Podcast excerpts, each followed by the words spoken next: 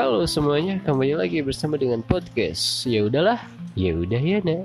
Nah, seperti biasa saya doakan semoga kita semua sedang baik-baik saja walaupun mungkin sedang tidak baik-baik saja. Jangan lupa saya pun mengucapkan selamat Hari Raya Idul Fitri. Mohon maaf lahir dan batin. Nah, sekarang saya mau bahas tentang sebuah metode yang mencakup interaksi dan komunikasi. Berbicara tentang komunikasi, komunikasi adalah kunci. Dengan sebuah komunikasi, maka terjadilah sebuah interaksi. Dengan menabur banyak interaksi, tertuailah banyak silaturahmi. Banyak silaturahmi, niscaya banyak rezeki. Uh. Ada sebuah metode interaksi unik yang diciptakan dan sering digunakan oleh saya pribadi. Saya menamakan metode homemade ini dengan metode retorika egosentris. Prinsip metode ini didasarkan kepada sudut pandang pribadi sebagai pusat pemikiran, supaya tercipta komunikasi yang efisien dan mencegah kekakuan saat berinteraksi pada lawan bicara. Pasca berpusat pada diri sendiri, saya selalu melayani lawan bicara saya seolah-olah saya melayani diri sendiri. Atau tentang perlakuan apa sih yang mau saya rasakan ketika saya di posisi lawan bicara itu. Di situ saya jadi gampang untuk mengetahui hal apa yang harus saya lakukan dan batasan yang tidak boleh saya lalui. Semakin banyak pengalaman berinteraksi, semakin berkembang juga skill retorika egosentris ini.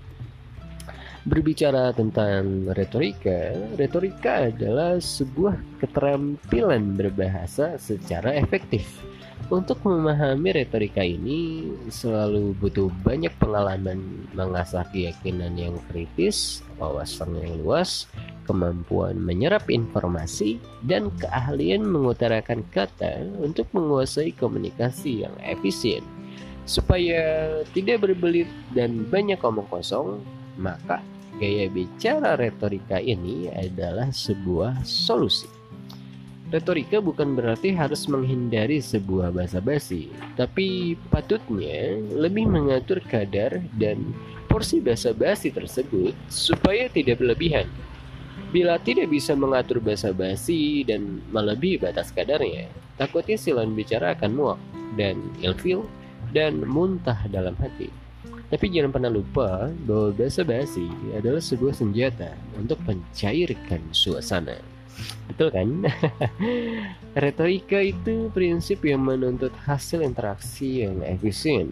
Maka, dengan menjadi egosentris atau berpusat pada diri sendiri adalah sebuah langkah yang tepat untuk membangun interaksi yang positif dan menyenangkan.